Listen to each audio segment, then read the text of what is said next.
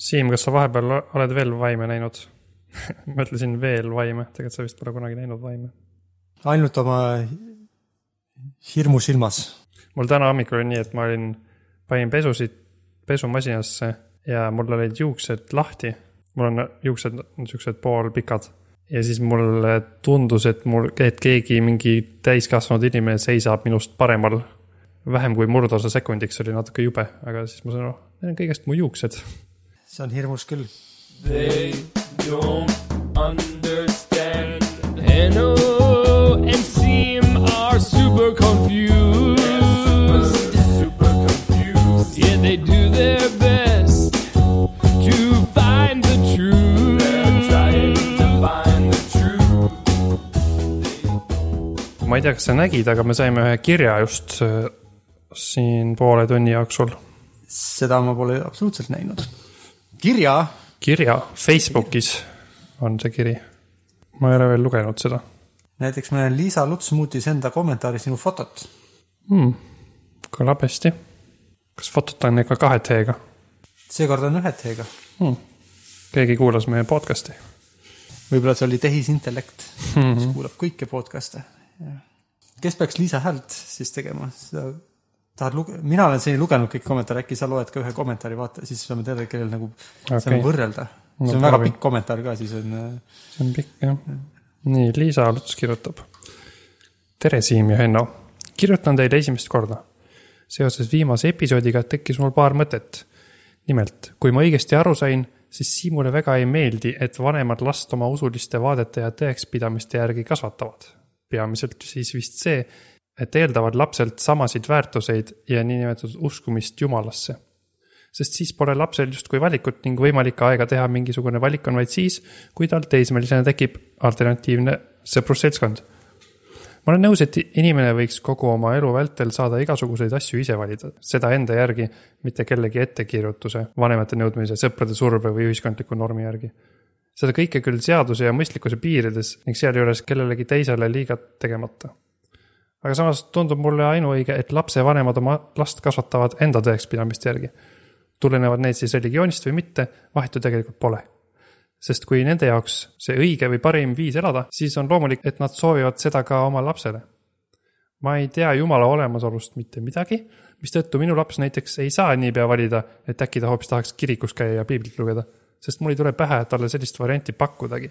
samamoodi nagu me teeme oma laste eest alates sünnist valikuid rohkemal ja vähemal määral tema toitumiseelistuste, hobide, kõnepruugi ning ka maailmavaadete osas üldisemalt, olles ise ju eeskujuks. ma ei näe suurt vahet selles, kui mina üritan lapsest kasvatada näiteks tolerantset inimest, see tähendab head inimest minu parameetrite järgi, versus see, kui kristlane üritab oma lapsest kasvatada kristlast, see tähendab head inimest tema parameetrite järgi. samamoodi on okei okay, minu arust see, kui vegan teeb enda lapsele ainult vegan toitu nagu ülejäänud perekonnalegi, mitte ei paku igaks juhuks lihapalle, et äkki ta ikkagi tahab siinkohal kirjutasin muidugi olukorrast, kus lapsel ei ole eelistusi kujunenud ja need kujundatakse esialgu tema eest. ja etteruttavalt lisan, et kui lapsel mingis eas tekib huvi perenormidest kõrvale kalduda, siis seda ei peaks higimull otsmikul takistama, kui ta selle tulemusel just vangi minna ei saa. Smiley või mis? mm. -hmm. see on hea point küll vist. kas see tundub ka hea point? mis, mis sa sellega mõtled, mis see point siis on? Äh, noh, mulle põhiliselt tundub see, et ma ei tea, kas meie või mina rääki-, rääkisime vist selles osas põhiliselt, et, et see ei ole hea, et lapsele kujundatakse niisugused arvamused. aga siit see point, mis mulle kõlama jääb, on nagu see, et, et kindlasti on okei okay,, kui vanemad tahavad oma lapsest kasvatada head inimest vastavalt sellele, mille, mida nemad peavad heaks inimeseks. ja sellega saab küll vist ainult nõus olla, eks ju, kui sa ise vanemana arvad, et su, sul on mingi tõekspidamine ja sa arvad, et see on oluline, et inimene oleks nagu korralik. ja siis sa õpetad seda oma lapsele ka, see tundub ainu, ainuõige variant vanemana. aga eelmises saates sa siis mõtlesid, et see ei ole võib-olla hea, et eh, kasvatada oma last ka usklikuna või näiteks?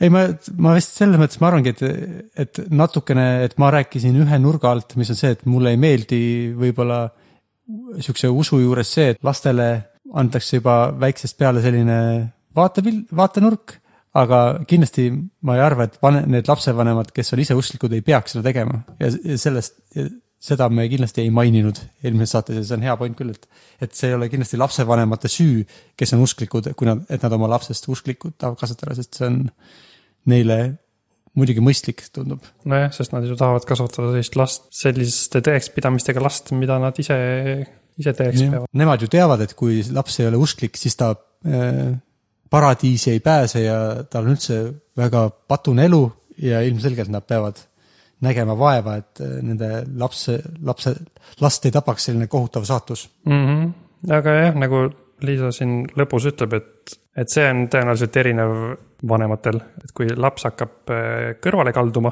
hakkab nagu võib-olla mõtlema, et ta ei taha kirikus käia, et see, see tõenäoliselt on väga erinev vanemati, et kui palju nad seda lubavad mm. -hmm. see tundub vist selline asi, et võiks, äh, nojah, ega ma ei tea ka, kui palju et ma tahtsin öelda, et, et võiks lasta lapsel mingi hetk siis ise otsustada, mida tahab teha, aga samas kui keegi ikkagi usub äh, väga tugevalt sellesse, et, et mingi eluviis on ainuõige, siis me ei saa vist ka ikkagi väga öelda, et see on vale. Nojah, et kui ta usub, et laps läheb põrgusse, kui ta jumalat ei usu, kui sa oled niisugune võrdlemisi fundamentaalne kristlane, siis, siis see tundub ju päris oluline, et laps ikkagi usuks Jumalat ja kui ta, see, no see on veel tähtsam kui seaduste rikkumine.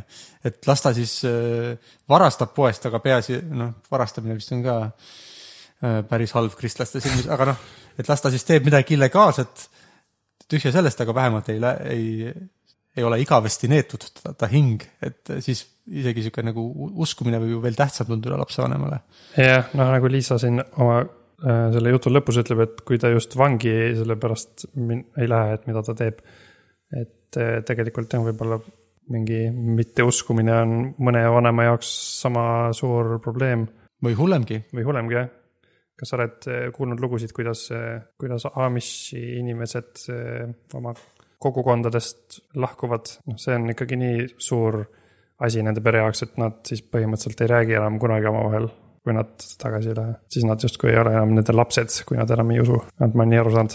üks lugu oli ka ühest isast, kes nagu noh, oli juba täiskasvanu, aga miskipärast ta enam ei uskunud. ja siis seda oli ka huvitav kuulata, kuidas ta oli küll väga kurb, aga siis ta lihtsalt läks äh,. Ah, see ei olnud vist Amish, see oli New Yorgis on vist mingisugune linnaosa, kus elavad äh, juudid, kes on väga usklikud ja kasutavad ka hästi võimalikult vähe tehnoloogiat ja siis ta vist sealt lahkus ja siis näeb väga harva oma lapsi ja see on elu päris raskeks teinud, et ta järsku enam ei usu sellesse. sellepärast, et see vist ongi mu põhiline point, et miks mulle ei meeldi see, et, et lapsed juba väiksest peale tea-, noh, niisuguste eriti fundamentaalsete, no see, kui see on nagu, kui see usk on niisugune lihtsalt kultuuriline taust ja niisugune kombed, siis on vähem probleem, aga kui see on selline väga dogmaatiline ja et sa pead tegema täpselt nii ja kui sa üldse kahtled selles, et siis me umbes viskame sind oma kogukonnast välja ja et kuidas see on niisugune nagu sunnib inimesi mõtlema teatud moodi, mitte nagu, see ei ole nagu äh, mingi niisugune, aa, et meie peres lihtsalt tehakse nii ja meie hindame seda, et on nagu noh, et kui näiteks Eliise küsiks mult, et miks peab teisi inimesi austama või siis ma, muidugi mina tahan ka, et ta oleks nagu minu arvates hea inimene, aga ma olen nõus temaga arutama neid küsimusi. Kui tal on mingid huvitavad mõtted või pointid, siis mina olen valmis oma nagu arvamust ringi tegema ja, ja järele mõtlema, ahah, võib-olla Liisa, sul on tõesti õigus, võib-olla äh, võib-olla need väärtused, mis ma arvasin õiged, ei olegi õiged, aga kui sa oled sellises väga ortodokses, fundamentaalselt fundamentalistlikus usulahus, siis sul ei ole sellist võimalust, siis on lihtsalt ei, see, mis sa ütled, on kõik vale ja sa ei tohi nii teha. ja muidu me ei ole enam su pere ja, ja sa oled üksinda et, et, et see aspekt, mis on, ma arvan, nagu objektiivselt, et ma ei saa võib-olla midagi öelda halvasti nende vanemate kohta, kes tahavad oma lapsi niimoodi kasvatada, kui nad ise seda usuvad. aga ma arvan, et see on ühiskonnale ja meile kõigile ikkagi halb ja mulle meeldiks, kui seda ei toimuks. no mulle see tundub, see praegu jäi rohkem kõlama, et, et selles võiks ju ikkagi olla nagu enam-vähem ühel nõul, et ükskõik, mida su laps nagu teeb, mis sulle ei meeldi, siis võib-olla võiks mitte temaga kõiksuguseid suhteid lõpetada jah. et see, seda nagu pole vist, mulle tundub, et see, see ei ole vajalik osa, ükskõik mis, ükskõik kui, kui eh, konfliktses olukorras keegi on omavahel. kui ta just ei ole nagu kuidagi vägivaldne su vastu mm. -hmm. aga noh, see on juba ekstreemne. aga selles mõttes jah, et, et ükskõik kui veidrad mingid uskumused tunduvad, siis ei saa vist nagu jah, mingeid vanemaid selles mõttes hukka mõista, kui nende jaoks mingisugused põhimõtted on kogu aeg olnud ja jäävad äh, loogilisteks ja olulisteks asjadeks. et kui me oleme lihtsalt nii erinevates maailmades, siis me ei saa, et seal pole eriti väärtust, et, et me siin mõtleme, et sa ei peaks oma lapsele peale suruma seda, et jumal on olemas. ma arvan, me ei saa nagu ette heita, et nad lapsevanematena oma lapsi nüüd kasvatavad. ma arvan, me võime väga kritiseerida nende uskumusi. põhimõtteliselt lihtsalt, et see, et sa arvad, et, et ma ei tea, et no mis on siuksed äh, ebameeldivad arvamused, mis on usklikel, noh et näiteks, kes ei, näiteks on abordivastased igas olukorras. Et see on nagu väga negatiivne arvamus ja me võime selle osas olla väga kriitilised ja öelda, et see, et sa seda arvad, see on nagu objektiivselt halb. ja, aga me ei saa ette heita, et kui ta juba seda arvab, et siis ta ei peaks seda oma lapsele ka õpetama, sest et see on normaalne, kui sa oma sügava nagu uskumust lapsele õpetad, on normaalne, aga võib-olla see uskumus ise on lihtsalt täiesti ebanormaalne ja me võime sellel tasandil vaielda nendega. jah, ma saan aru, mis sa mõtled, jah. kasvatage oma lapsed ikka selliseks, nagu te arvate, et on õige, et üks inimene peaks olema. Aga andke neile ruumi ka ise uurida, mida nad arvavad maailmast. ja ärge neid kodust välja visake, palun. see on hea nõu. ma arvan, et Liisa mõt- mõtles ka vist seda, kuidas sa selle nüüd kokku võtsid. ma arvan mis sa muidu viimasel ajal teed, Henno? uh,. peale selle, et sa mängid kitarri harva ja laulad džässilikus võtmes meie teemalugu. seda asja, mida sa just praegu ütlesid, ma tõesti arvan, et ma teen äh, kitarrimängu. ma arvan, et kuskil null koma viis korda kuus võib-olla, kahjuks miskipärast. aga muidu peamiselt ikkagi kasvatan last koos äh, oma naisega. eile õhtul ma panin äh, Samueli magama ja me kasutame seda valget müra, valget või pruuni või Mm. roosat või mis iganes. kas sa võid seletada korra, mis asi see on, sest et kui mina seda esimest korda kuulsin, siis ma olin imestunud. mis see tähendab, et sa kasutad valget või pruuni müra see? on lihtsalt sihuke sahin. et see käib, kui me paneme teda magama ja kui ta magab. et see, see on nagu hea asi, mis katab mingeid teisi hääli, et ta ei ehmu näiteks selle peale, et me läheme trepist alla, mis kriuksub natuke või midagi sellist. kust te saate sellist sahinat? no mul on üks eh, sihuke spetsiaalne valgemüra masin, aga ma kasutan ka oma telefoni mõnikord selleks. seda saab igalt poolt. seal on sihuke spetsiaalne äpp on, millega saab lasta valget müra? jah, spetsiaalne äpp, My Noise näiteks, neid on väga palju. igatahes ma tahtsin rääkida sellest, et ma ei tea, kas sa oled kogenud, aga kui valget müra, ma guugeldasin ka seda, see ei ole ainult minu mingi ettekujutus.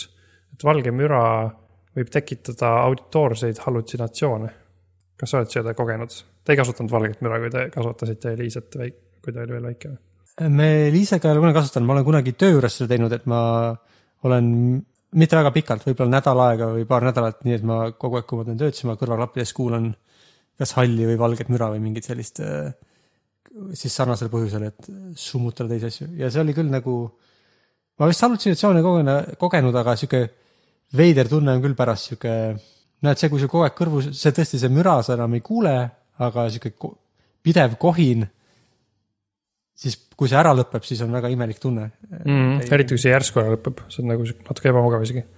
aga mul on ikkagi konkreetsed sellised, kui ma alguses, kui ma alles hakkasin seda kogema, siis ma mõtlen, ma ikka, ma olin suht kindel, et kuskilt tuleb mingi muusika nagu kuskilt seina tagant või altkorruselt või midagi. ja see ei olnud, see ei ole nagu sihuke tunne, et mulle tundus, et ma kuulsin midagi, ma nagu aktiivselt kuulen mingit sihukest, mingeid hääli ja mulle tundub, et seda mõjutab see, et mida ma enne olin kuulanud, näiteks eile oli nii, et me vaatasime Eesti Laulu natukene ja siis mulle päriselt tundus, et äh, allkorrusel telekas nüüd jälle käib ja sealt tuleb Eesti Laulu mingi müra, saatejuhtide sihuke müra. aga pärast ma sain aru, et see ei olnud nii. üsna tihti jah, mingit filmi vaatame, siis ma pärast kuulen sihukest selle filmi soundtrack'i moodi soundtrack'i. jah, igasuguseid asju saab kuulda. et ja siis ma, ma guugeldasin ka, mulle tundub, et see on, et see ongi nii, et valge müra tekitab hallutsatsioone. kas see on siis sarnane asi, see nagu ka see, et sa näed oma juukseid ja näed seal mingit olendit, et lihtsalt niisugune müra või mingi asi sinu äh, sisendites äh,, mille, millel ei ole tegelikult mingit omadust, siis su aju püüab sealt mingisugust äh, mustrit leida ja noh, muusika võib-olla on siis, mis lihtsamini esile kerkib kuidagi sinu jaoks vähemalt. nagu me e- eelmine saade rääkisime, et seal pimedas tekib nagu visuaalsest mürast mingi asjad, aga jah, see on, see on isegi veel tugevam, mulle tundub küll, et see on sellepärast. et kuna see müra, valge müra vist ma täpselt ei tea, kuidas see töötab, aga ilmselt on nii, et igas, enam-vähem igas sageduses äh, toimub kogu aeg mingid muudatused vist helitugevuses. jep, et siis on põhimõtteliselt kõik nagu kaetud, millest tekitada, millest aju saab midagi tekitada äkki või? peaks olema vist jah, et kõikides sagedustes on ühtlane signaal nagu. et siis kokkuvõttes on täielik, täielik randomness. ja, aga jah, mulle tundub jah, et muusikat tuleb kõige rohkem mul sellisel juhul. huvitav, kas võiks ka, ma lihtsalt, kui tahaks nagu meelega seda esile kutsuda, kas võiks, kuidagi võiks siis mõelda, huvitav, milline, kas on mingisugune müra, mis oleks veel parem, et sa kuuleksid random muusikat kui päris valge müra. no ma ei tea täpselt müra liike, ma olen aru saanud, et valge müra vist on, valge müra on nii, et on objektiivselt nagu füüsikaliselt kõik sagedused samasuguse tugevusega. ma mäletan, mina kuulasin halli müra, mis vist on niimoodi, et, et sama, aga korrigeeritud inimkõrva nagu tundlikkusele. nii et sulle kõlab nagu kõik sagedused oleks ühtlase tugevusega, sest et inimkõrv kuuleb teatud sagedusi paremini halvemini, et siis nagu natuke korrigeeritud. aga mis see pruun ja äh, roosa on, neid ma ei, ei mäleta. ma täpselt ka ei tea, igatahes jah, kui ma olen, noh seal äpis, mida ma kasutan, seal saab ise korrigeerida seda equalizer'it siis ma panen üldiselt nagu neid madalamaid toone juurde Mm -hmm. et mulle jah tunduks, et on nagu kõik kaetud, et äh,. aga sa rääkisid selle esile kutsumist, ma arvan, et, ma arvan, et sa saad seda esile kutsuda nii, kui sa näiteks kuulad muusikat mingi pool tundi või isegi vähem aega. ja siis vahetad järsku nagu ära selle muusika valge müra vastu. ma arvan, et siis äh,, vähemalt ma arvan, et mul töötaks see, et siis ma hakkan kuulma mingeid asju. Mäletan kunagi, kui ma arvutimuusikat mingil perioodil proovisin rohkem teha, siis ma proovisin erinevaid nagu heli genereerimise vahendeid ja üks neist oli mingi, ma ei mäleta, mis, sellel tehnikal on kindlasti oma nimi, aga point oli kuidagi nii, et ta on ka sihuke müra moodi asi, aga et sa määrad siuksed nagu ma ei tea, kas äkki mingi granulated noise või midagi sellist, kust on nagu lühikesed, mitte sample'id päris, aga siuksed mitte nagu täielik müra, vaid lihtsalt mingid siuksed hästi lühikesed häälejupikesed. Ja siis sa said kuidagi kontrollida seda, et millise sagedusega ja millise, millise modulatsioonidega ta neid jupikesi mängib ja kui tihedasti. et siis see nagu müra koosnes rohkem nagu siukestest noh, kõrvale nagu kuuldava, nagu muusikaliselt kuuldavatest häälejupikestest, mitte täielikust mürast. et võib-olla selline asi oleks isegi veel parem muusika jaoks, kui siuksed millisekundi pikkused, ma ei tea, kas siinuslained või no mingid, mingi, mingid sarnastest äh, väikestest hästi lühikestest asjadest koosnev müra, kust nagu reaalselt oleks ka mingeid noote nagu justkui natukene vahepeal kõlaks läbi. mm. -hmm. võimalik, me peame seda proovima vähemalt, mul on tahtmine proovida. see on huvitav jah. mingi selline asi on olemas nagu Gunsfeld efekt, mis vist tähendab seda, et äh, kui sa koged mitte struktureeritud ühtlast mingit stimulatsiooni, et siis võivad kerkida esile hallutsinatsioonid. et mitte ainult au- auditoorselt siis. näiteks äh, siin on näide, et äh, kui sa vaatad suurt äh, täiesti ühtlast värvi seina näiteks, mis on ka ühtlaselt valgustatud, siis ma kujutan ette, et siis see on, kõlab natuke tut- tuttavalt, et siis võib tekkida mingi tunne, et sa näed kuskil nagu mustasid laike või midagi sellist. Ma ei tea, peab proovima, muidugi raske on leida sihukest suurt ühtlast pinda. ma mäletan, me käisime siuksel festivalil oleme käinud, festivaliks võib-olla natuke palju nimetada, aga siin meie kodu lähedal. Te olete võib-olla ka meiega kaasa käinud nagu Colorscape, ma ei ole kaasa käinud, aga ma olen näinud pilte, kuidas sa oled seal olnud. et see on ka päris sür, seal on siuksed nagu, see on siuke hästi suur telk, mis koosneb siukestest väiksematest ühendatud telkidest ja seal iga ruum nagu on kas mingi hästi punane või hästi sinine või hästi roheline. Ja esiteks kaamerad lähevad seal täitsa lolliks, kui pilti proovida teha, sest nad ei saa sellest värvikorrektsioonist mitte midagi enam aru. ja püüavad oma white balance'it ja midagi korrigeerida ja, ei saa, jooksevad kokku seal, kui sa just noh, kui sa teed siukse õige pildi aga silmadel on ka väga imelik jah, selles mõttes, et seal lihtsalt järg, kõik on punane ümberringi ja siis vaatad, okei okay,, seal on niisugune roheline ruum, aga tõesti kõik on ühtlaselt valgustatud punane ruum ja siis seal keskel on mingi objekt mõnikord. et nii suurusest kui ka värvist ja valgusest on väga imelik aru saada. Aga hallutsinatsioone ma päris ei mäleta selles olukorras. mm.. no võib-olla seal ei olnud nagu täiesti või olid täiesti ühtlased need toonid no nagu äärest äärele. no need telgid ise on muidu küll nagu ühte värvi mm. ja nad on proovitud nüüd ühtlaselt valgustada ka. aga noh, kui sa, oleneb kui kaugelt või mis nurga alt sa vaatad, muidugi kui sa nagu vaatad nurga alt, siis mingid kaugemad osad on kuidagi te- teise nurga alt ja sa saad, silmad saavad aru küll, et see on ruumiline kujutus, aga kui sa õiges suunas vaatad, siis ei ole mida, siis on lihtsalt tõesti nagu ongi ühte värvi kõik. muidu selle sihukese müra või mitte struktureeritud äh, ühtlase, mis iganes stimulatsiooni vastand on äh, see, kui sa üldse võtad ära kõik input'i, mis on siis nagu sen-, sensoorne deprivatsioon eesti keeles või? see tekitab samuti hallutsinatsioone. Kuulasin ühte saadet, kus keegi käis mingis ruumis, mis on täiesti vaikne, et seda tavaliselt ei ole lihtne leida. sada protsenti vaikset ruumi, siis ta rääkis ka, et tal, tal vist ei tekkinud hallutsinatsioonid veel, aga ta et ta ütles, kuidas tal lihtsalt hakkab põhimõtteliselt vilisema kõrvus, kui on, kui ta on nii vaikses ruumis. mida ma olen ka vist kogenud, eriti kui sa järsku lähed vaiksesse ruumi. mm. -hmm. mind huvi, mulle meeldiks, ma tahaks kunagi proovida olla selles sensoorse deprivatsiooni vannikeses mm, -hmm. see tundub huvitav.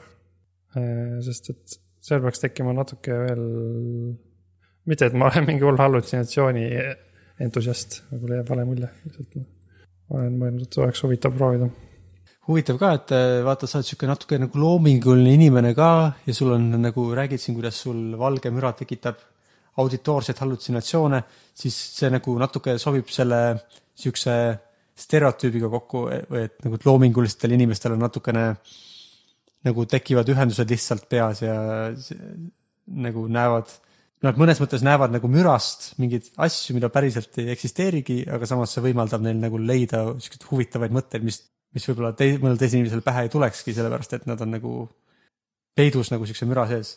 see on vist ka nagu üks põhjus, miks inimesed äh, räägivad, et et kuidas ka psühhotroopsed ained töötavad, et nad suruvad ajus alla selle mis iganes ajuosa, mis äh, nagu sihukest väärtusetut või kõrvalist informatsiooni su teadvusest kõrvale jätab ja lubab kogu sellel informatsioonil su teadvusesse tulvata. et siis sa tajud siukseid asju, mida su aju tegelikult kogu aeg nagu märkab, aga lihtsalt ei too su teadvusesse, aga siis, kui sa oled mingit LSD-d kasutanud, siis äh, järsku kõik, kõik see, need infod ja seosed, mida, mida, mis muidu koheselt kõrvale heidetaks, tõusevad nagu su teadvusesse kui potentsiaalselt huvitavad aspektid. mm,. mingid filtrid lähevad maha justkui jah. jah, ma ei tea, kas see on konkreetselt LSD, aga vähemalt mingi osad siuksed hallutsinatsioone tekitavad ained vähemalt äh, töötavad sellel. vist äh, kanepi puhul ka, et miks sulle tundub kõik asjad nii tiibid, sellepärast et see osa ajust, mis peaks nagu kõrvale jätma siukseid asju, mis tegelikult ei ole tiibid, aga mida su nagu aju, mingi mustreid, mida ta märkab, siis lihtsalt see ajuosa on nagu natuke alla surutud ja siis asjad, mida sa normaalselt ei peaks huvitavaks, tunduvad sulle järsku huvitavad ja sa hakkad neid edasi mõtlema, edasi mõtlema ja tekivad siuksed lõpmatud näiliselt huvitavad seosed, mida sa normaalses olukorras ei peaks niivõrd huvitavaks. aga kui sa noh, kui sul on näiteks raskusi ideesid leida oma kunstiprojektiks, siis on arusaadav, kuidas sihuke noh, mõttetute, aga imelike seoste uurimine võib sulle inspiratsiooni pakkuda, kust pärast mingi huvitav kunstiteos luua, et siis on- nagu, et mõnes mõttes kõlab loogiliselt või nagu, nagu arusaadav, kuidas see sihuke psühhotroopsete ainete ja kunsti tootmise vahel inimesed võivad seost luua nende kahe vahel. jaa, on küll arusaadav. kas sa oled kuidagi kunagi eh, midagi sellist tarbinud, et sa, et sa mingeid konkreetseid hallutsinatsioone kogeks, kogeks? mm,. ei ole, ma ka mitte. aga kanepi, kanepi sigaretti ma olen küll ja selle järel on, ma, mul on tundunud, et asjad on tiibid ja pärast on imelik mõelda, miks mulle need asjad nii nagu huvitavad tundusid. nagu selles mõttes, et ma saan sellest nagu, ma oma sissimast tunnen, et ma saan sellest aru küll, kuidas see, kuidas see nagu, et, et, et mul on tunne, et ma nii kogesin seda, kui ja ja see seletus, mida ma enda jaoks olen selle välja mõelnud, kõlab mulle loogiline selles olukorras äh,. naljakamad asjad vist samamoodi, et kui sa, et miks, no ma ei tea, kas see on nagu see selet-, seletab selle täielikult, miks kanep asju naljakamaks teeb inimeste jaoks, aga kui sa märkad seoseid, mida sa muidu ei märkakski, siis imelikud seosed on tihtilugu inimeste jaoks naljakad või see on nagu suur osa naljast, siis nagu sobib selle seletusega kokku küll. jah, see samuti vist võimendab see, kui sa kellegi teisega koos midagi naljakat koged. tavaliselt, isegi siis, kui sa ei kasuta midagi. näiteks nagu mingitel komöödiashoudel või kinos. et sihuke sotsiaalne aspekt sellele, et sa nagu mulle tundub, et oled, et mulle tundub, et kui keegi teine naerab, siis on lihtsam sa- mõelda, et on jah naljakas. Ja siis tundub see ka naljakas. kas meil huvitav siis ühiskondlikult on kuidagi üksinda naermine on nagu äh, kuidagi ei, ei ole kultuuriliselt aktsept, niivõrd aktsepteeritav? ma ei tea tegelikult mul tuleb meelde mingi Dmitri Martini graafik vist selle kohta. et kuidas on okei okay,, mida on okei okay üksinda teha ja mida ei ole okei okay üksinda teha. äkki oli vist, et äh, naerda üksinda imelik, aga koos okei okay. kõlab Dmitri Martinilik küll. mm. -hmm. ja siis oli, ma ei mäleta vist, milline graafik see oli, ja siis oli kuidagi vastupidi, et pissida üksinda okei okay,, koos imelik. midagi siukest, ma ei tule meelde. see vist on stand-up'il, seda vist ei ole netis. ma leidsin muidu selle graafiku üles küll, tõepoolest ongi naermine ja pissimine. aa, Ah, okei okay.. ma ei tea, kas sa Starcrafti nimelist arvutimängu oled kunagi mänginud?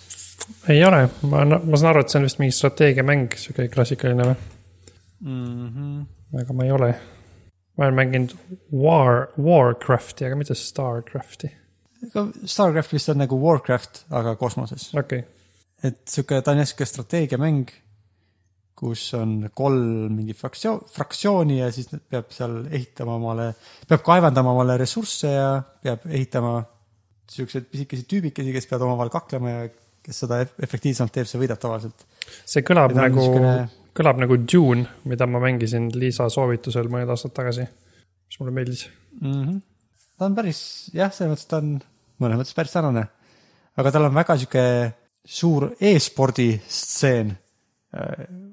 Koreas olnud juba kümneid aastaid ja nüüd vist mujal maailmas ka päris populaarne.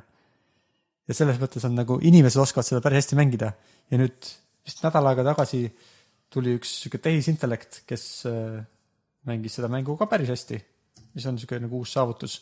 et äh, tükk aega arva-, no keegi umbe- ei osanud väga oodata, et see nüüd niipea oskaks arvuti seda mängu paremini mängida.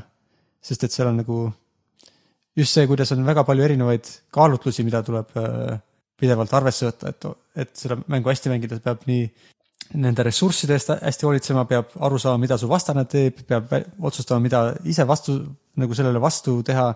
et seal on see keerukus on nii suur, et, et arvutid, arvutid ei osanud, no et ütleme, et sihuke inimene, kes on mitu aastat seda mänginud hobi korras, tõenäoliselt on võ- võimeline enamikke nagu arvutiprogramme võitma selles mängus. aga siis nüüd tuli sihuke tehisintellekti baasil äh, sihuke agent välja, kes inimesi, võitis nagu siukseid maailma tugevamaid mängijaid jälle.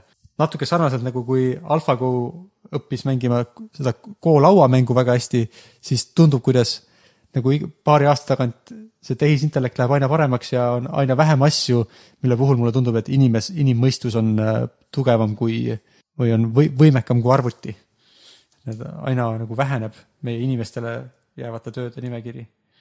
ma lugesin midagi vastupidist täna selle kohta, et kuidas, kui sa tahad kuskile sisse logida netis, vaata, siis sa pead tegema selle captcha testi, et kas sa oled robot või mitte.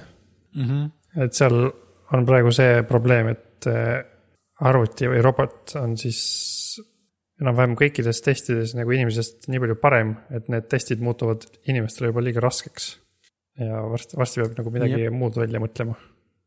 et see enam ei tööta, et sa, et otsi, vali pildid, kus on eh, valgusfoorid või, või eh, kirjuta see tekst sealt pildi pealt ümber või midagi sellist mm,. see oli muidugi jah, et need lauad on veits pöör-, see on, see on vist ka veits, seal oli vist ka natuke see, et inimesed ise treenisid neid ai-sid, kes seda oskavad teha, on ju. selle, sellega, et nad, see oli ausalt öeldes ka suur osa, miks neid pilte näidati inimestele, oligi mm. selleks, et saada neid andmeid, mille alusel seda, neid arvuteid treenida. jah, ja siis nüüd on need, oih, nüüd enam ei saa seda kasutada selleks, milleks me seda kasutasime. esimese es,, esmasena. ja varsti peab mängima Starcrafti. noh, seal jah, seal rääkis ka sellest, kuidas mingid mäng, keegi mõtles mingi mängupõhise asja tegemisega, see vist läheb nagu natuke pikale. mingi ekspert arvas, et kõige parem variant on see, kui see on nagu pidev, pidev kontroll sellest, kuidas sa mingil veebilehel liigud, et seda on raske, vist väga raske arvutitel matkida sellist mitte ühtlast äh, kursori liikumist ja valikute tegemist ja sellist asja on vist ma ei keeruline tea,. see ei tundu ka üldsegi keeruline ausalt öeldes, see tundub nagu, ei tundu jah, aga võib-olla siis võib-olla saab natuke aega seda kasutada. ja põhimõtteliselt mulle tundubki, et enamik siukseid asju, mida sa saad kiiresti kontrollida, enam ei ole eriti palju, ei ole eriti palju asju tõesti, mida arvuti oskaks teha kiiremini ja efektiivsemalt kui inimene, kui ta treenib seda konkreetset asja tegema. Et sihukestes uudsetes olukordades, kui see captcha või- võib-olla nagu ükskord küsitakse pildi kohta, teinekord muusika kohta, siis küsitakse populaarse, ma ei tea, kuulsuste kohta. et siis võib-olla oleks raskusi siukse, et siukse, siukse programmi kirjutamiseks, mis oskaks kõiki neid asju teha, mida potentsiaalselt võiks ühe inimese käest küsida.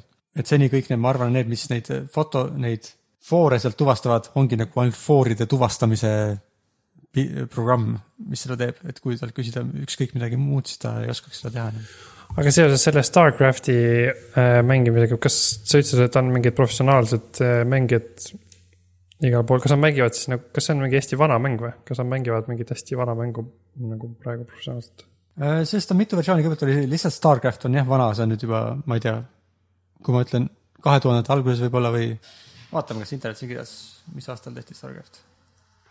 aa, okei, et see on mingi sada erinevat versiooni ja nad mängivad tõenäoliselt kõige uuemat versiooni ikkagi. et mängitakse ka seda vana okay., ausalt öeldes. Sa- üheksakümne, üheksakümne kaheksandal aastal tuli originaal Starcraft välja ja selle lisa Broad War, Broad War on vist, mida mängitakse veel professionaalselt ka Hmm. et siis selle üheksakümne kaheksanda aasta mängu, kahe tuhandete alguse mängu ja siis Starcraft kaks, mida on nüüd jah, mitu versiooni välja tulnud viimaste aastate jooksul, seda mängitakse ka professionaalselt. nii et seda vana üheksakümnendate lõpu mängu ja kahe tuhandete alguses Starcraft kahte, mida on järjest mitu versiooni välja tulnud, mängitakse professionaalselt. okei okay., see tundub mulle natuke huvitav, et, et e-sport on ka mingi väga vana mängu põhjal äh, veel aktiivne. huvitav, kas näiteks Tycoon'i ka mängitakse professionaalselt, Transport Tycoon'i siis. see vist ei ole mingi hull ske-, no võib-olla, kindlasti on mingi skeene, aga, aga Starcraft on ikkagi selles mõttes, et on jah, nagu võistlused mm. -hmm. kus saab võita tuhandeid dollareid, toimuvad selles vanas Starcraftis, minu teada ka veel Koreas, sest ta on ikkagi populaarne. Aga enamik vist on uue versiooni peale läinud. üks asi, mis on nagu huvitav nagu vähemalt, et kuidas nagu inimesed on paremad kui arvutid, on mingi millegi õppimine sest et selle, näiteks selleks, et õppida seda Starcrafti mängima inimestest ja see on nagu ka vaieldav, kas nad mängisid tegelikult paremini kui inimesed, sest seal oli nagu piirangud peal ja nad äh, nagu nad võitsid seda nagu professionaalset inimmängijat viis mängu viiest, aga kuuenda mängu, kus oli natuke muudetud ja inimesel oli rohkem aega valmistuda ja mõelda selle peale, kuidas nagu selle eelneva viie mängu peale see inimene võitis. et selles mõttes ta mängib enam-vähem sama hästi kui professionaalne, aga selleks äh, see ettevõte, kes treenis neid Starcrafti agente, igaüks nendest agentidest oli vist kakssada aastat Starcrafti mänginud või nelisada mm. aastat ja need tal oli mitu tükki, nii et nagu, et see inimene oli umbes kakskümmend, kahekümne aasta jooksul Starcrafti mänginud ja kakskümmend neli tundi ja seitse päeva nädalas ta seda teinud ei olnud, sest ta pidi tööl käima ja kooli, tööl ta, ta on professionaalne mängija, aga koolis pidi kindlasti käima ja pidi magama öösel et selles mõttes, et inimene oli selle mängu õppinud tunduvalt vähesema ajaga selgeks. arvutitel läheb õppimise peale jätkuvalt noh, vähemalt suurusjärk, aga tõenäoliselt mitu suurusjärku, võib-olla sada korda kauem või isegi tuhat korda kauem, kui inimesel läheb, et võib-olla see saab olla järgmine captcha test, et Et midagi genereerida mingi jah, mingi random asi, okei okay,, et proovi sellest aru saada ja kui sa saad aru, siis äh, sa oled inimene, sa tõestad sellega, et sa oled inimene, sest et arvutil läheks vaja tunduvalt rohkem nagu näiteid, et aru saada, mis see muster on või millest ta peab nagu selgeks õppida. mm. -hmm. sest mõnes mõttes arvuti vist nagu õpib nagu niimoodi, nagu sa õpid jalgrattaga sõitma, et sa nagu noh, jalgrattaga ka natuke sa mõtled, aga põhimõtteliselt see on ikkagi selline skill based või sihuke nagu oskus.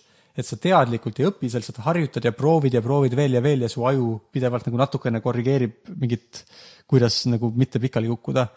et, et arvuti õpib samamoodi mängima Starcrafti, et ta ei mõtle, et aa, nüüd juhtus see, võib-olla ma peaksin nii tegema.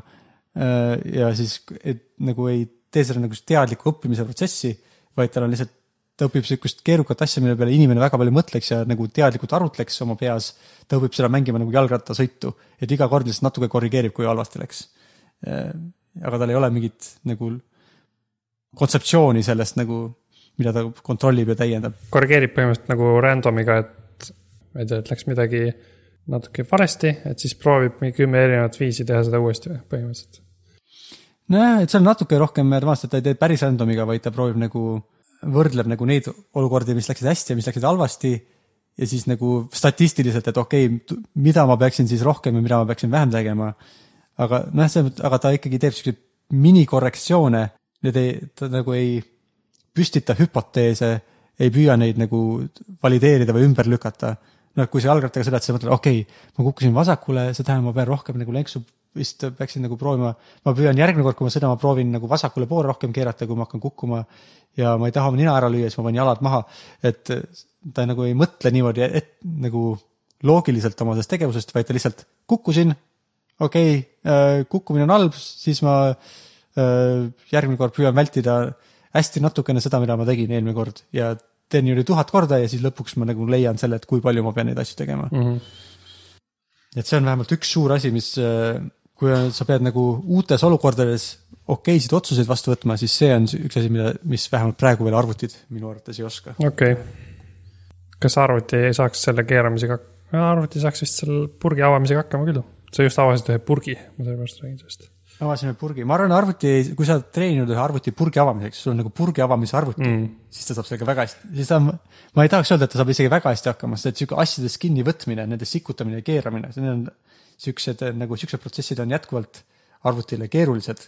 et see on nagu, sellest kirjutatakse teadusartikleid nagu kuidas, oo, et me tegime mingi purgi keeramise masina ja nagu avas purke kaheksakümnel protsendil kordadest ja noh, sihuke.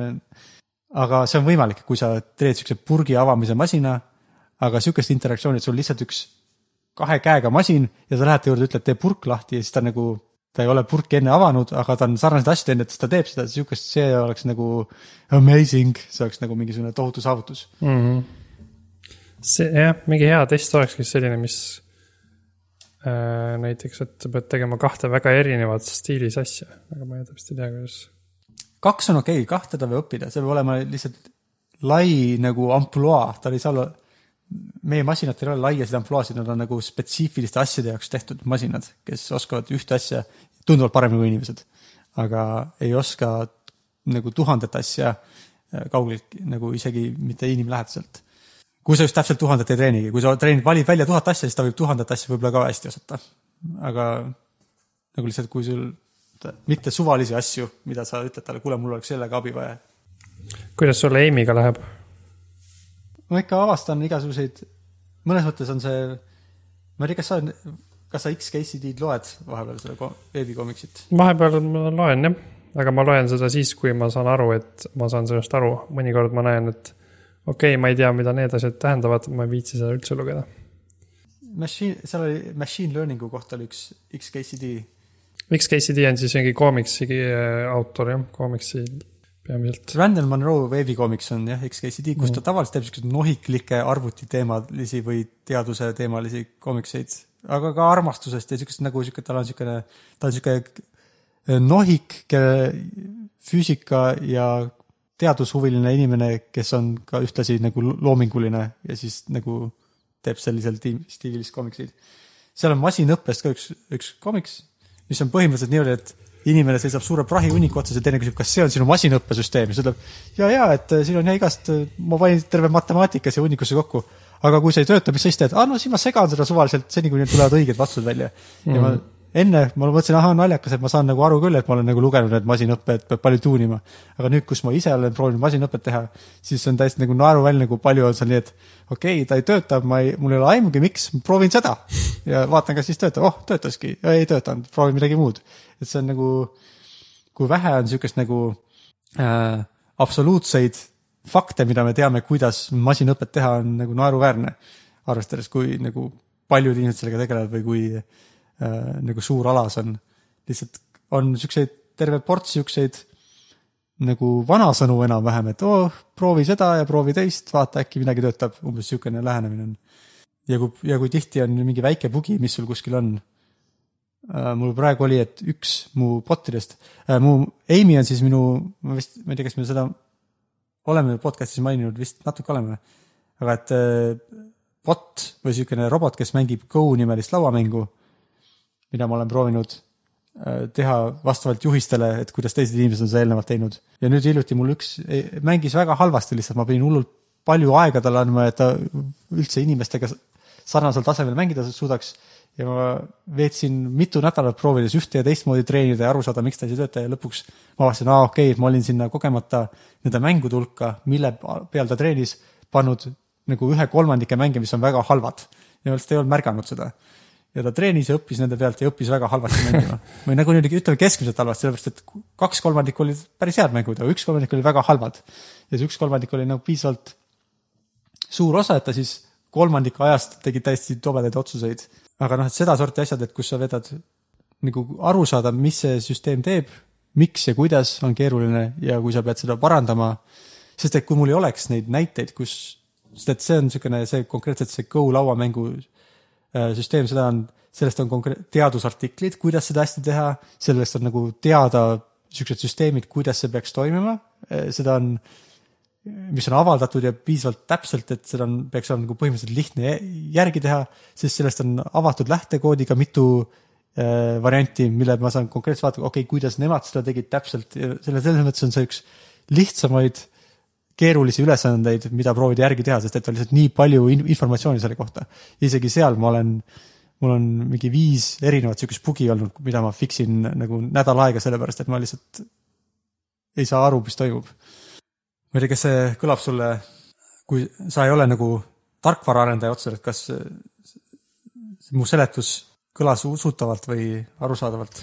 kõlab küll usutavalt, ma ei, ma olen väga üsna kaugel masinõppe maailmast, aga ma olen paari videot vaadanud kunagi, et kuidas see ka vist põhimõtteliselt toimub niimoodi, et, et sa ei teagi täpselt, mis seal sees lõpuks on, sa lihtsalt äh, muudad igasuguseid asju või see masinõpe siis ise muudab.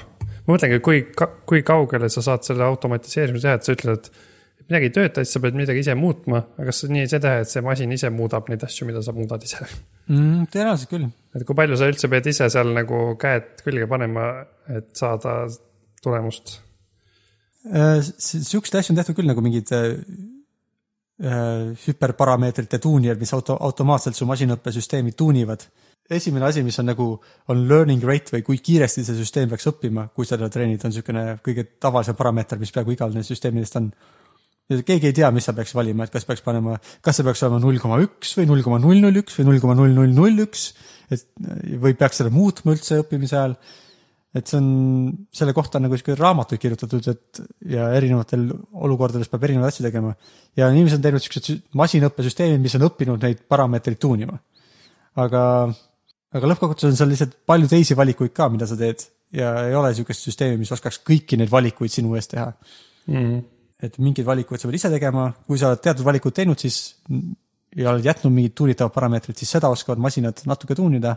aga ma, ma ei ole ise seda proovinud, ma ei tea, ma ei tea, kui efektiivne see tegelikult on. okei okay., aga see on just täpselt, ma arvan, et see ongi nagu näide sellest, mida arvutid praegu hästi teha ei oska, sest et seal on nii palju valikuid ja nii palju asju, mida võib teha ja nii palju erinevaid probleeme ja süsteeme ja asju, mida sa võid tahta masinõppega teha, et et kui ma arvutid õpi-, oskaksid ise masinõpet tuunida, siis nad oskaksid juba, ma arvan, kõiki asju teha, mida me tahaksime, et inimesed teeksid.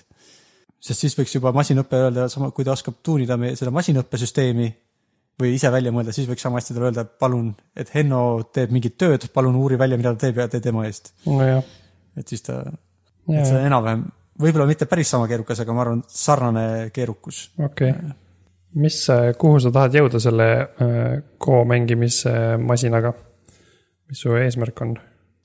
Mm, ma arvan, ma olen üsna lähedal sellele, et varsti polegi enam vaja midagi väga teha, et ma treenisin sihuke, ma vist seda mainisin enne, ma tahtsin, kuna teised on kõik proovinud teha siukseid nagu väga tugevaid äh, Go mängimise roboteid, kes oleksid nagu võidaksid inimesi kogu aeg, siis ma mõtlesin, okei okay,, mida ma saaks teistmoodi teha, siis ma tegin siuksed, kes mängivad nagu algajad inimesed, sellised robotid. ja ma panin nad internetti siuksesse ühte Go mängimise veebisaiti üles ka, kus saab nendega mängida ja nad nagu mängivadki nii nagu algajad inimesed. et see mu kõige algajam mängib täpselt nagu kõige algaja ja kaotab kogu aeg teistele algajatele ja no aeg-ajalt võidab. aga see järgmine tase, mis mängib sihuke nagu, sihuke inimene, kes on nagu, ma ei tea, pool aastat kuni aasta mänginud, sellega oli mul nüüd see probleem, mida ma nüüd nädal aega fix isin. võib-olla kui see on tehtud, siis võib-olla mul ei olegi enam väga palju, mida ma tahan sellega saavutada, et ma teen selle panen selle roboti ka sinna internetti mängima niimoodi, et ta mängib tõesti nagu üks üheaastase kogemusega mängija ja võib-olla ühe natuke tugevama ka, aga siis ma arvan, mul on nagu see selle projektiga võib nagu otsad kokku tõmmata. et ma olen nagu teinud keerulise masinõppesüsteemi, teda tuuninud, andmetega tegelenud ja siis mul on sihuke tunne, et ma olen lahendanud no ma ei tea, tehniliselt lahendanud ühe probleemi, siis ma päriselt muidugi, kuna teised on seda nii palju kordi juba lahendanud, siis ma sihuke keerulisi küsimusi tegelikult ise ei ole pidanud lahendama. et oleks, võib-olla järgmiseks ma tahaks võtta mingi projekti ette, kus on mingi probleem, mida teised inimesed ei ole lahendanud ja proovida seda nagu teoreetilist osa ka rohkem ise äh, välja mõelda, kuidas, kuidas, kuidas põhimõtteliselt selle probleemiga tegeleda. et nüüd sul on põhimõtteliselt äh, mingisugused oskused, kuidas e-, ehitada sellist bot'i ja. no ma, ma loodaks, et need on oskused, kuidas ehitada masinõppesüsteemi. koguda andmeid, neid töödelda, teha närvivõrk, testida seda Äh, seda reaalselt kasutada, tuunida reaalse kasutuse tulemusel nagu see, et ma olen niisuguse teekonna läbi teinud, et et ma loodaks, et mul on nüüd masinõppe kogemus väikene üldiselt, mitte nagu konkreetselt bot'ide kogemus. saad selle oma CV-sse lisada nüüd vist? võib-olla jah, ma ei, jah, ma ei tea, jah, vähemalt oma vaimu CV-sse kindlasti, et ma, kui keegi küsib mult, kas sa oskad masinõpet teha, siis ma ütlen, no natuke oskan, ma olen nagu ühe projekti teinud selles kunagi, selles vallas. okei okay,, tore, tore on kuulda, et sul on projekt, mis jõuab äh, eesmärgini. jah, ma loodan ka, et oskan ära lõpetada ka sellega tegelemise, sest et ma peaks juba muid asju tegema. Prügi välja viima, jah? prügi välja, jah, see on juba kolm kuud siin kogunenud. suur hunnik haiseb ah.. sellest me rääkisime ka nüüd võib-olla pool aastat tagasi, et ma tahaks arvutimuusikat uuesti teha ja. ma tahaks ka ikka, mul on aeg-ajalt sihuke tunne, et okei okay,, ma vist ei hakanud muusikuks. et no okei okay., aga siis mõnikord ma kuulan mingit head muusikat ja mõtlen kurat, ma arvan, et ma saaks ka umbes nii head muusikat teha, kui ma natuke uuriks äh, võimalusi. ma ei ole veel täiesti lootust kaotanud. ma, et ma teen oma elu jooksul veel loo, millega ma olen rahul. aga mitte vähe, väga, mitte vist lähitulevikus, kuigi ma ükskord tegin nalja Liisale, et ma järgmisse Eesti Laulu saadan oma loo. aga ma ei tea. siis ma vist pean ikka tegema. kas see on juba? Äh, kuskil vist aasta lõpus on see äh, submit imine, ma ei tea, kas novembris või detsembris aga saada, miks sa siis ei saada? no siis ma pean tegema kas midagi. see oli ikka nali? see, see oli nali, aga mõtlesin, et ahaa, äkki ma tegelikult teengi. Aga, aga ta nagu pinna, see, mis välja paistis, oli nali. nähtav osa mm,. aga mida sul selleks siis vaja on, et äh, see lugu sinna saata, kui palju sa arvad, sa peaksid nagu kui palju sa peaksid aega investeerima sellesse, et sa saaksid siukse loo, millega sa nagu, et sa ei saada seda nagu sada protsenti nalja pärast, et sa võib-olla ei saada selle ootusega võita, aga sa saadad ootusega, et see on nagu, see on nagu tõsine, nagu vähemalt nagu ta ei ole nagu lootusetu, ta ei ole nagu. ma arvan, ma arvan, et kui ma paneks selle peale umbes nii palju aega, nagu me paneme selle podcast'i tegemise peale, lindistamine ja töötlemine, siis äh, ma arvan, et aasta lõpuks mul oleks küll mingi lugu või isegi kaks mis oleks päris okeid minu arust. mis tähendab siis tund aega nädalas paneks selle peale, siis ma saaks midagi kätte äkki. tund aega nädalas ei tundu, eks ju, palju, see tundub nagu täitsa, iga inimene peaks leidma, olema võimeline leidma tund aega, kui see on ta jaoks muidugi tähtis. jah, see kõige raskem osa ongi see, et kui... enda, et see tunduks sulle tähtis ja et sa usuks ka teist, et teised usuvad, et see on sulle tähtis ja et see mind isegi see üllatab praegu, et me oleme suutnud seda podcast'i teha nii järjepidevalt, kui me oleme teinud, sest ma ei tee ühtegi asja nii järjepidevalt põhimõtteliselt. mis ei ole otseselt seotud mingi raha teenimisega või lapse kasvatamisega mm.. Ma tahaks muidu öelda, et mulle tundub, et see oleks küll väga tähtis, et sa paneksid, saadaksid Eesti Laulu loo. sellepärast, et kui sa oled nagu mõelnud, et sa, oo, et ma ei hakanudki muusikuks, aga natuke oleks tahtnud hakata, siis nagu aasta aja jooksul äh, tund aega nädalas mis see on siis, viiskümmend kaks tundi, see on nagu, nagu umbes kakskümmend kaks ööpäeva järjest tööd teha. et see tundub nagu sihuke nagu, mis on su elu. võib-olla sa peaksidki muusik olema, aga sa ei tea seda. Või vähemalt, et sa teeks nagu pakutud sulle palju rahuldust, siis nagu leida see tund aega, siis ma usun küll, Henno, sa peaksid seda tegema. eriti, kui sul ei ole veel nagu, kui sul oleks kümme sihukest asja käsil, siis võib-olla sul ei ole uut vaja, aga kui sul on nagu, kui sul ei ole väga palju siukseid asju, mis sa arvad, et oo et äkki see on väga hästi sobib sellega, kes ma olen kokku ja võib-olla see teeks mind nagu elus õnnelikuks või siis äh, nagu tund aega peaks, võiks leida mõne sihukese projekti jaoks. Ma jätan su arvamuse meelde, Siim, ja mõtlen selle peale. Millal sa mõtled selle peale?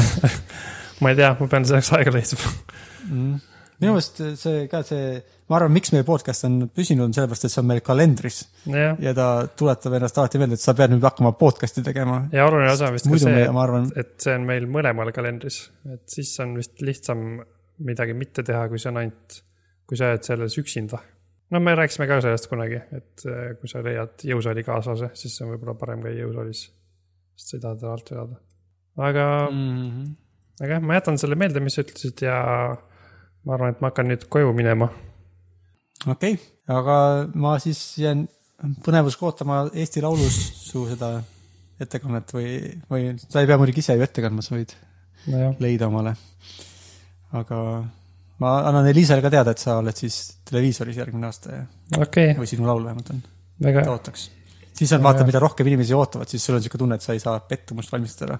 see on nii ja naa, ma olen kuulnud mingit sellist teooriat, et kui sa äh, ei ole veel mingit asja teinud, aga sa ütled juba kõigile, et sa kavatsed teha, siis sellest me oleme ka vist rääkinud muidugi, et siis võib olla vastupidine efekt. Sest siis sul on veits juba niisugune tunne, et sa oled midagi teinud, aga tegelikult sa ei ole midagi teinud. mm,. mul on kindlasti see, mulle meeldib planeerida asju ja siis okei okay,, planeeritud, never mind. jah, linnuke kirjas.